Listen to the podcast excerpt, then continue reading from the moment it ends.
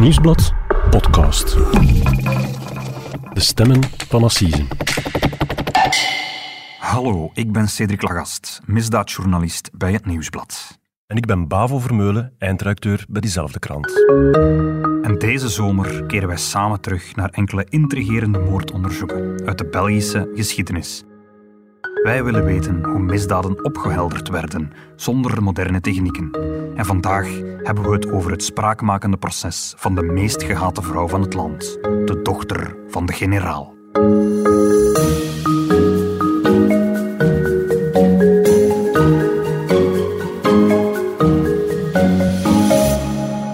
Dag Cedric. Dag Pavel. Cedric, we gaan het in deze zomerspecial van Stemmen van Assise opnieuw hebben over een opvallend moordonderzoek. En we gaan op zoek naar hoe die moorden onderzocht geweest zijn zonder moderne technieken. Want dat is het opzet. Ja. Wat doen we hier? Dat klopt. Hoe werden moorden opgehelderd voor er sprake was van DNA-onderzoek, van vingerafdrukken, computers te koer? Ook toen werden moordenaars ontmaskerd, maar op heel andere manieren dan vandaag de dag. Hebben we in aflevering 1 ook al eh, ontdekt. We zijn geweldig van start gegaan met een ongelooflijk verhaal. Wie het nog niet heeft geluisterd, zeker doen. Wat hebben we deze week bij? Wel, Bavo, we gaan het vandaag hebben over een van de meest spraakmakende assiseprocessen uit de Vlaamse geschiedenis. Vergeet de parachutemoord, vergeet de kasteelmoord. Dit assiseproces startte op 7 januari 1895 in Antwerpen en er stond één vrouw terecht en die werd verdacht van maar liefst drie moorden. En de kranten schreven er toen dit over. Zodra het rijtuig met de beschuldigde verwacht werd, deed de politie geheel de Begijnenstraat ontruimen. Vanaf de Brede Straat tot aan de Kasteelpleinstraat. Zelfs het gerei mocht er niet door. Doch niet iedereen verliet de straat. Honderden mensen verscholen zich in de talrijke winkels, herbergen en in de gangen die zich in de Begijnenstraat bevinden. Zodra het volk het rijtuig zag, begon het geschreeuw en het gejouw. Eerst op den hoek en vervolgens in de straat, door diegenen die zich daar verscholen hadden. Er werd een persoon aangehouden die voor de poort van de gevangenis stond te roepen: Waar is zij nu, de moordenares? Ik hoor Begijnenstraat, eh, een gevangenis. Die gevangenis staat daar vandaag nog altijd. En daar Mhm. op die plek stond dus die meute een vrouw op te wachten. Ja, en eigenlijk niet alleen daar, maar eigenlijk overal langs de straten in Antwerpen stonden er rijen en rijen mensen. Het was januari, het was koud, maar ik heb een verslag gelezen waaruit dat blijkt dat de mensen tot op de besneeuwde daken klommen om, om die koets te kunnen zien. En het ging uiteindelijk zo ver dat de burgemeester van Antwerpen, dat was toen Jan van Rijswijk, van de Jan van Rijswijklaan, hè, eh, een samenscholingsverbod uitvaardigde in zijn stad. Op de momenten dat die koets naar het gerechtsgebouw moest of terugreed. Dan mocht er eigenlijk niemand op straat zijn, op, langs die route. Het ging dus om een gevangenentransport van, van de gevangenis naar het Hof van Assise, Ja. goed begrepen. En Voilà. waarom was de burgemeester dan zo bang dat er iets ging gebeuren? Wel, in die koets zat een vrouw en die vrouw was zo gegaat dat ze echt bang waren dat ze ter plekke zou gelyncht worden. Cedric, je hebt me nu wel heel nieuwsgierig gemaakt, want wie was dan die vrouw voor wie dan mensen op besneeuwde daken kropen om haar uit te schelden? Wel, haar naam was Maria Theresia Ablé. Ze was 50 jaar op dat moment en ze was van goede komaf, zou we kunnen zeggen. Ze was de dochter van generaal Julien Ablé. Dat was een van de topmilitairen van ons land geweest. De familie Ablé die gaat terug tot de 16e eeuw. Dat is ook een zeer bekende, vooraanstaande adellijke familie eh, in ons land. Daar zitten veel theologen in, advocaten, maar ook vooral veel militairen. Het is een Ja. militaire familie eigenlijk. En eh, Julien Ablé was ook niet zomaar een militair. Hij had een heel belangrijke rol gespeeld in de onafhankelijkheid van ons land. En als dank daarvoor was hij commandant mogen worden eerst van Luxemburg, van de provincie Luxemburg, daarna van de provincie Henegouwen en daarna had hij aan het hoofd gestaan van de cavalerie van het leger. Ehm, dus dat was niet de eerste, de beste. En vandaar dat ook burgemeester van Rijswijk zo op zijn hoede was. Voilà. En Maria Theresia Ablé ze was uiteindelijk getrouwd met Hendrik Choniot. Dat was iemand vanuit het Gens afkomstig, een ingenieur bij de Belgische staat. En, en daarom wordt ze in het dossier ook eh, Madame Choniot genoemd. Ah ja. En dat is opnieuw een dossier eh, dat je bent gaan ophalen, dat ontsloten geweest is eh, na 100 jaar in het Rijksarchief. Nee, dat was de bedoeling. Maar België is het dossier kwijt. Oh. Ik ben het gaan zoeken en het zou moeten liggen in het Rijksarchief sinds 1895. Sinds Ja. het proces zou het daar moeten liggen, maar het is verdwenen. Ik heb alleen nog een briefwisseling gevonden waaruit blijkt dat de Brusselse procureur-generaal ooit in 1943 het dossier heeft opgevraagd uit het archief. Hij wou Oh. het inkijken, niemand weet echt goed waarom, maar hij heeft het ook nooit teruggebracht. En een aantal jaar later, in 1955, heeft het Rijksarchief gevraagd van zeg, mogen we dat dossier eens terug? En het was verdwenen. Dus België is het dossier van het meest sprakmakende assiseproces uit haar geschiedenis kwijt. En moeten we daar iets achter zoeken? Is er iemand die dat wil verborgen houden? Of... Nee, ik denk dat we gewoon heel slordig omgaan met, eh, met ons archief. Voilà. En hoe heb je dan je research wel kunnen doen? Ja, het was een spraakmakend proces, ik heb dat al gezegd. In die mate zelf dat dat tot ver buiten België besproken en becommentarieerd werd. Ook door juristen, ook aan universiteiten. En er zijn een aantal mensen, bijvoorbeeld in Frankrijk, die het dossier hebben gaan inkijken en die daar kopietjes van hebben genomen. En, En- ik heb uiteindelijk een aantal delen van het archief gekopieerd teruggevonden via een Franse universiteit waar dat bewaard werd. Oké, sterk, je hebt dat dossier dus kunnen vinden en eh, helemaal kunnen uitpluizen. Ehm, vertel ons eens, hoe gaat die bal aan het rollen? Hoe, hoe start het onderzoek? Het begint allemaal met een klacht van de verzekeringen. Oh, Niet het gerecht zelf die een onderzoek start, ook geen klacht bij de politie, ook niet een klacht bij haar familie of zo. Nee, het is de directeur-generaal van een verzekeringsmaatschappij, van de verzekeringsmaatschappij Gresham, die naar het gerecht stapt. En hij stapt niet zomaar naar de politie of naar het parket, want hij voelt aan dat de zaak gevoelig ligt. en hoe bedoel je? Wel, het gaat om een zeer vooraanstaande familie. Hè. Het is de dochter van de generaal, van een vooraanstaande generaal. In haar familie zit ook nog een senator, een bekende ondernemer. Hij voelt... Het is iemand tegen wie dat je niet zomaar klacht kan indienen. Hij wil niet naar de politie of naar het parket gaan, want hij denkt, die gaan mijn klachten misschien niet willen noteren, die gaan dat niet ernstig nemen, die gaan hun handen daar niet aan willen verbranden. Dus hij gaat hoger op. Hij gaat naar de hoogste magistraat die hij kan vinden, namelijk naar de Brusselse procureur-generaal Charles van Schoor. En wat heeft die verzekeringsmaatschappij dan ontdekt of gemerkt? Wel, haar broer is gestorven. Haar drie jaar oudere broer, Alfred, Al- Alfred Alblay, die is gestorven toen hij bij haar op bezoek was. Hij was bij haar in haar huis, hij bleef daar logeren en hij is daar overleden. Maar het opvallende was dat zijn zus, Maria Theresia Alblay, twee weken eerder een levensverzekering op zijn naam had afgesloten. Aha. En niet zomaar een levensverzekering, maar een verzekering ter waarde van 100.000 frank. Ja, en eh, in die tijd een bom duiten. Dat was een fortuin. En het was ook heel ongebruikelijk, in, in die mate zelfs, dat een verzekeraar contact moest opnemen met het hoofdkantoor in Londen Mag dit wel? om te vragen, ja, kunnen we dit hier wel, wel dragen en, en, en gaan we dat wel doen? En in Londen hadden ze hun zegen gegeven, dat mocht, dus het contact was ondertekend. Maar Amper twee weken later stond Maria Theresia Ablé daar al om het geld op te eisen. Want haar broer was gestorven. natuurlijk, ik kan me inbeelden dat die verzekeringsmaatschappij denkt, hier is iets niet in de haak. Die vonden uiteraard verdacht en die wouden zelf zo wat meer uitleg, maar die kregen dat niet. Die, mochten, die, die kregen daar geen uitleg over. Zelf het lichaam, dat was al begraven. Ze wouden het lichaam nog laten onderzoeken of zo. Dat ging niet. Het lichaam was al heel snel begraven. En wat hebben ze toen gedaan? Wel, ze hebben een klacht ingediend. Ze zijn naar de procureur gestapt. En eh, de procureur-generaal oordeelde dat het onderzocht moest worden. Hij zette een Antwerpse onderzoeksrechter op de zaak, Eugène Hayot. Maar heeft hem wel een duidelijke richtlijn mee. Ga uiterst discreet te werk. Spannend. De onderzoeksrechter wist dus wat hij moest doen, want het ging hier om een vooraanstaande familie. Dus de, vandaar de richtlijn ga discreet te werk. Ja. Heeft dat het ook gedaan? Hij was heel voorzichtig. Volgens de geruchten was hij zo bang dat het zou uitlekken dat hij met dat onderzoek bezig was, dat hij elke avond zijn hele dossier mee naar huis nam, zodat Ja. niemand erin kon snuisteren, kon lezen waar hij mee bezig was. Wat doet hij dan? In eerste instantie laat hij natuurlijk het lichaam van broer Ablay opgraven. Die ligt begraven in Lubbeek, in de familiekelder. Hij laat dat ehm, lichaam opgraven om te onderzoeken, om, of, om te zien of dat ze nog kunnen achterhalen waaraan dat hij gestorven is. En ondervraagt de verzekeraar uiteraard. Ja, maar was het eigenlijk los van die verzekeringskwestie een, eh, een verdachte overlijden? Was het, was het een jonge man, een oude man? Waarom zijn eigenlijk pas de alarmbellen afgegaan ehm, omdat de premie werd geïnd? Wel, hij was pas 53 jaar. Dat is niet zo heel oud. Hoewel dat hij wel een getormenteerd leven had gekend. Eh, Hij had zijn vrouw eerst al verloren in 1873. Uh, hij heeft daar een heel zware klap van gekregen. En die zin zelf dat hij zijn, aan zijn zus Maria Theresia gevraagd had om de zorg voor zijn twee zoontjes op, Ah, ja. op zich te nemen. Hij kon die, die zorg niet meer aan. Maar een van die kinderen eh, is toen verdronken in een vijver. Is gestorven ook toen. Dat is ook een van de drie familiedoden. Nee, nee, nee, nee. Dat is nog een, een dood die daar los van staat. Maar dat jongetje was aan het spelen. Maria Theresia Ablay moest op hem letten, maar dat is ergens fout gelopen en is verdronken in een vijver. Dat is de klap te veel geweest voor Alfred Ablay. Hij heeft alles achtergelaten. Hij is de wereld ingetrokken. Hij is naar Algerije getrokken. Ook al omdat hij hier in België achterna gezeten werd door schuldeisers. En enkele weken voor zijn dood was hij plots naar Parijs teruggekeerd. Hij wou naar België terugkeren, maar hier in België wachten de schuldeisers nog altijd op hem. En ging hij op bezoek bij zijn zus. Ja, Mijn broer Alfred had hartproblemen.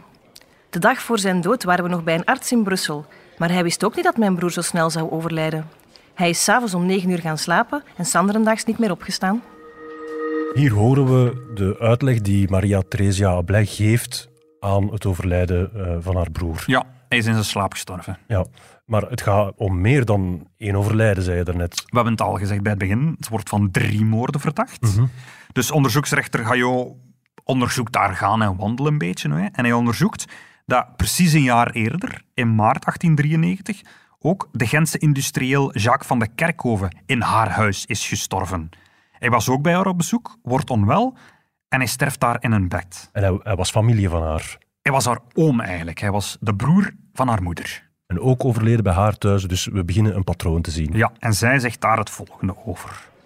Oom Jacques is bij ons komen dineren om te vieren dat mijn man gepromoveerd was tot ambtenaar eerste klasse. We hebben van 13 uur tot 18 uur aan tafel gezeten, maar toen werd hij plots heel moe en hij wilde zich neerleggen op de chaiselongue. Toen hij weer opstond, zei hij dat hij zich onwel voelde en hij zakte voor onze ogen in elkaar. Hij is sanderendaags hier gestorven. Volgens de dokter stierf hij door een vochtophoping in de longen. We hoorden opnieuw Maria Theresia Ablay uitleggen hoe het eh, tweede overlijden dan eh, heeft plaatsgevonden volgens haar. Ja. Het is ook bij haar thuis gebeurd, ook een familielid. We zien een patroon. Ja, absoluut. Heeft ze ook een levensverzekering afgesloten voor hem? Nee, maar de onderzoeksrechter ontdekt wel een ander motief. Oké. Van de Kerkhoven is dus familie. Hij is de broer van haar moeder, hij is haar Ja. oom eigenlijk, maar hij is vooral ongehuwd. Ah, ja. En zij was daardoor een belangrijk erfgenaam. Ja. Maar de industrieel had eigenlijk stiekem een zoon bij zijn huishoudster. Dat werd een beetje geheim gehouden, want dat was bij hoogstaande families niet, niet, niet zo gewenst. Voilà. Maar, maar volgens sommige van zijn vrienden wa- was hij dan moe en was hij van plan om toch met die huishoudster te trouwen Ah, ja. en om het kind te erkennen. Dus dat is concurrentie voor de erfenis voor Maria Theresia. Want dan zou die zoon natuurlijk zijn voornaamste erfgenaam zijn en zou zij haar erfenis aan haar neus voorbij zien gaan. Dus dan zien we niet alleen een patroon ontstaan, maar ook een heel duidelijk motief. Ja. Opnieuw. En Hayot graaft nog dieper en hij ontdekt dat er nog een jaar eerder, in april 1892, Dode nummer drie. ook in datzelfde huis in de Nervierstraat in Antwerpen, er inderdaad nog iemand gestorven was. Oké, om wie gaat het dan? Met name haar eigen zus, haar jongere zus Leonie Mhm. Die zus woonde eigenlijk in Brussel, maar ze was in januari 1892 bij Maria Theresia en haar man op bezoek gekomen, komen inwonen eigenlijk. En zij wordt ook ziek en ze overlijdt na 18 dagen. En is er hier ook een geldkwestie eh, mee gemoeid? Wel, zij had ook een levensverzekering. Niet één levensverzekering, maar twee levensverzekeringen op de naam van haar zus afgesloten. Een beproefd recept voor Maria Theresia. Eén voor 30.000 frank en één voor 40.000 frank. En over die dood van haar zus zegt ze het volgende. Van Leonie. Die heeft de griep gekregen en dat is een dubbele longontsteking geworden. Ze werd verzorgd door onze huisdokter en een zuster is haar komen verzorgen. En ondanks dat alles is ze toch gestorven. Ongelooflijk eigenlijk dat ze voor elk overlijden eh, zo'n verhaal eh, probeert op te dissen. Maar in elk geval, het onderzoek gaat door. Eh, Ze gaan zich bezighouden met de drie moorden. Ja, hij gaat niet alleen de moord op haar broer onderzoeken, maar ook die twee andere eh overlijdens wor- worden onderzocht. Hij gaat die twee andere lichamen ook laten opgraven. En hij vraagt een financiële doorlichting van heel die familie. Wat gevoelig ligt, hè? een vooraanstaande familie, de boeken controleren. En waarom gaat hij dat doen? Het gaat om geld, hè. het gaat om, om verzekeringsgeld. Dus eh, dan is het logisch dat je ook eens gaat kijken, heeft, zit die familie misschien in, in slechte papieren? Ja, waarom heeft ze dat geld nodig? En dat blijkt ook zo te zijn, want de echtgenoot van Maria Theresia Ablay, de ingenieur Joniot, die heeft zijn geld geïnvesteerd in een drankfabriek en dat is een beetje fout gelopen. Die investering is, is eigenlijk op niks uitgedraaid en ze zitten in slechte papieren.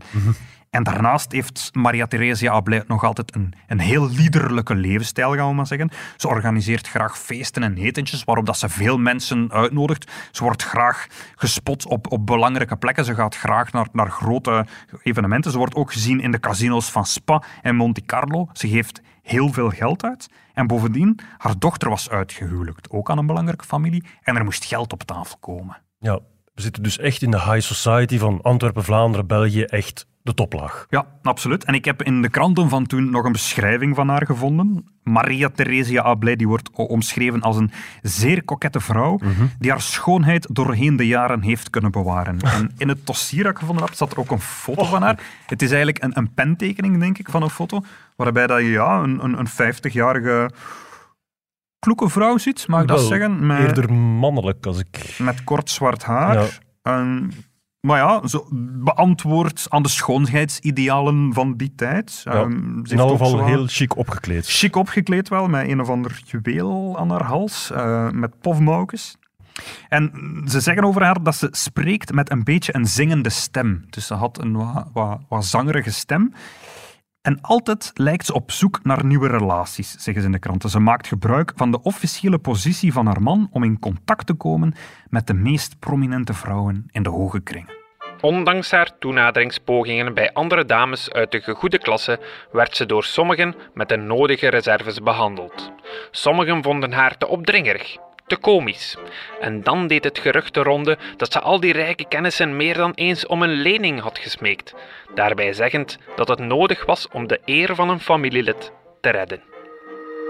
De onderzoeksrechter pluist heel haar financiën uit en hij komt tot de conclusie dat het hele gezin 50.000 frank schulden had. Ja. Dat is een fameus bedrag in die tijd. Ja, en het past ook perfect binnen het motief geld. Dat Absoluut. was al het, het eerste deel van het onderzoek. Het andere deel, eh, dat je net vertelde, was het opgraven van die lichamen. Mhm. Zijn daar grote doorbraken gekomen? Wel, de onderzoeksrechter hoopt heel erg op, op, die, op die wetenschappers. Hè. Hij, hij, laat die lichamen opgraven door wetsdokters en hij vraagt aan, aan die wetsdokters, kijk eens wat dat je nog kunt vinden. Nu, de wetenschap stond toch nog niet zo ver als vandaag. Hè. En, en die drie wetsdokters komen één voor één bij HO na een maand om verslag uit te brengen. En ze moeten toegeven dat ze eigenlijk niks hebben kunnen ontdekken. Dus in die tijd, als er een kogelwonde was of een, of een messteek, dat konden ze wel, wel, wel, wel zien. Maar dat had in der tijd de gewone huisarts ook wel gezien. Maar HO houdt vol en hij vraagt twee universiteitsprofessoren in de chemie om hulp. Dat was toen zeer revolutionair. Nu is dat normaal. Nu zien we Ja, ja. toxicoloog Jan Tietgat, die moet bijna op elk assiseproces komen uitleggen of er wat, er, gevonden of er ergens vergeft. Toen niet, toen was dat nog heel abnormaal. Zeker ook al omdat dat lichaam al begraven was. Maar die professoren, die doen dat. Die Mhm. onderzoeken de lichamen. En één van hen, die vindt iets.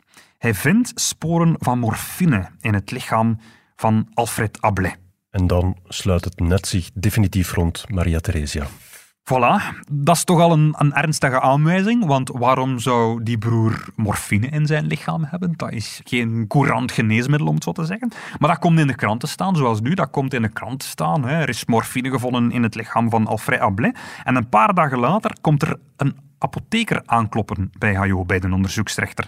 En hij zegt dat madame Joniot, dags voor het overlijden van haar broer, een grote hoeveelheid morfine heeft gekocht bij hem. Aha, dat is echt het kantelpunt in het onderzoek dan. effectief. Meer nog, daarna wordt ze ook opgepakt. Op 17 april rijdt de politie naar het huis van eh, Maria Theresia Ablay in de Nervierstraat.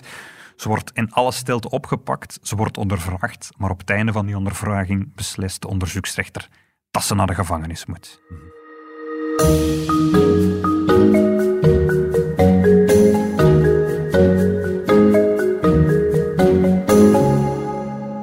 Je hebt al een aantal keer gezegd, discretie was het codewoord voor de onderzoeksrechter. Hè, vooraanstaande familie, alles een beetje hush-hush houden.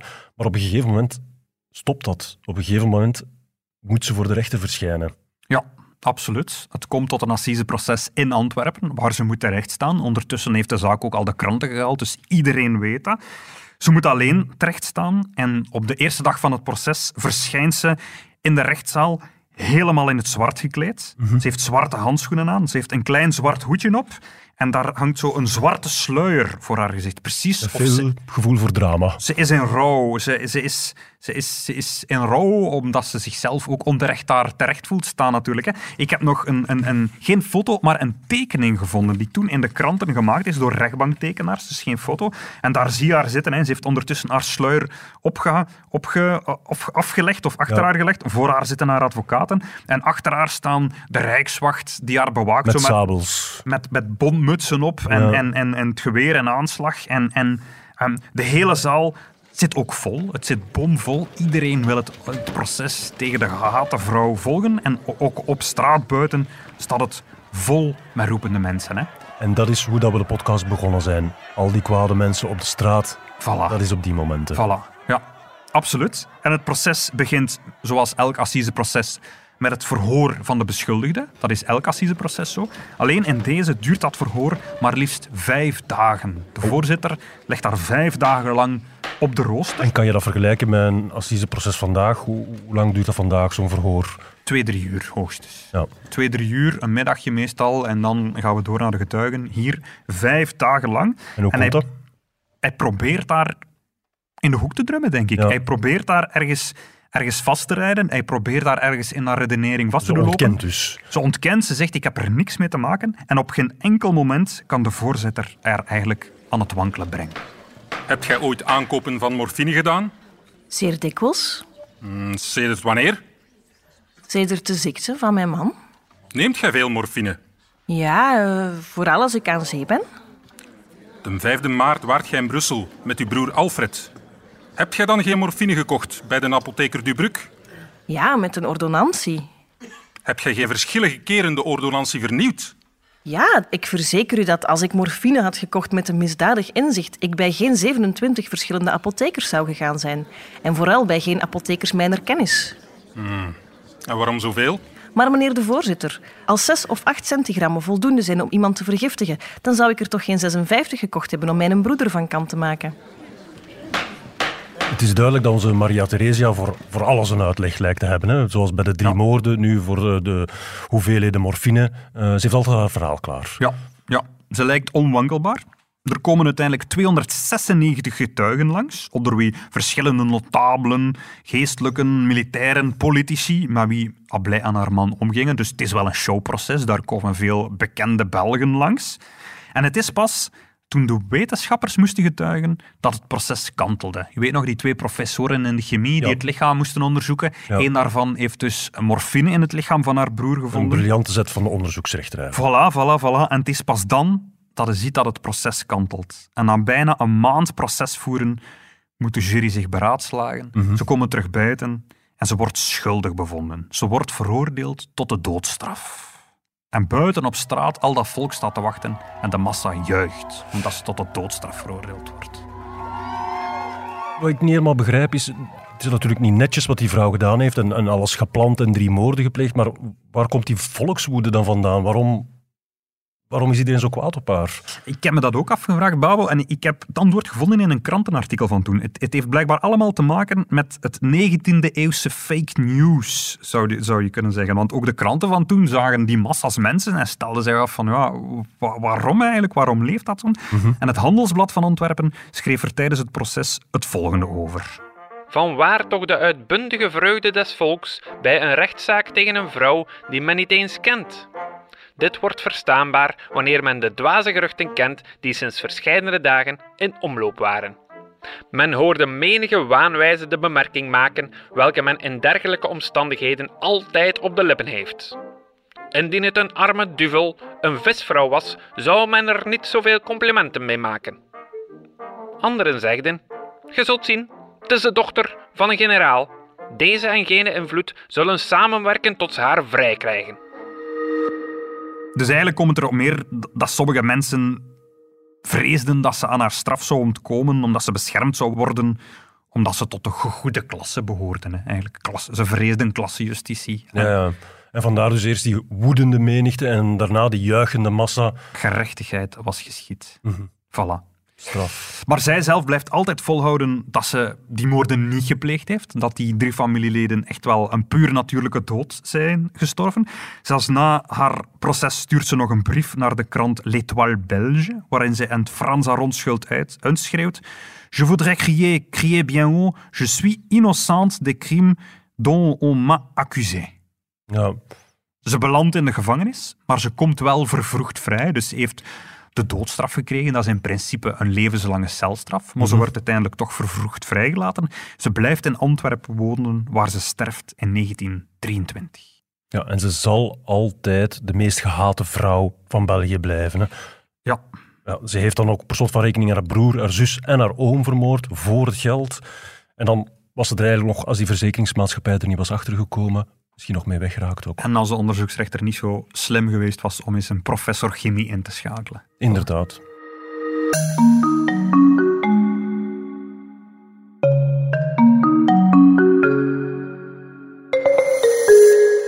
Ongelooflijk verhaal weer, Cedric. Absoluut. Opnieuw benieuwd naar wat je volgende week gaat meebrengen. Volgende week gaan we naar Ostende Bavo, naar het Ostende van 100 jaar geleden, waar er een toeriste vermoord wordt in een vakantievilla. En niemand weet wie de moord gepleegd heeft, tot er een vrouw met een witte boa opdaagt. Geweldig. Absoluut. Tot volgende week. Hè. Tot volgende week, Bavo. Dag, Cedric. Dit was De Stemmen van Assisen, een podcast van het Nieuwsblad. De stemmen waren deze week Pavo Vermeulen en ikzelf, Cedric Lagast. Onze speciale dank gaat uit naar de stemacteurs die de fragmenten inlazen. De montage gebeurde door Pieter Schrevens van House of Media. De productie was in handen van Bert Heijvaart en Eva Michom.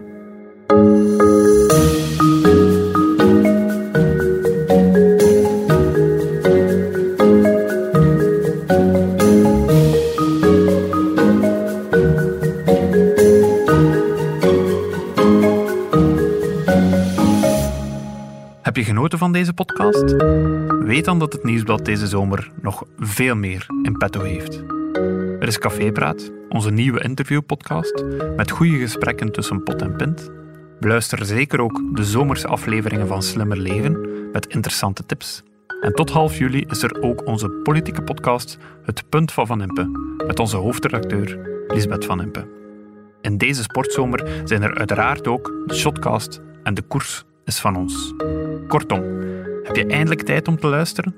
Stem dan zeker af op de podcasts van het Nieuwsblad.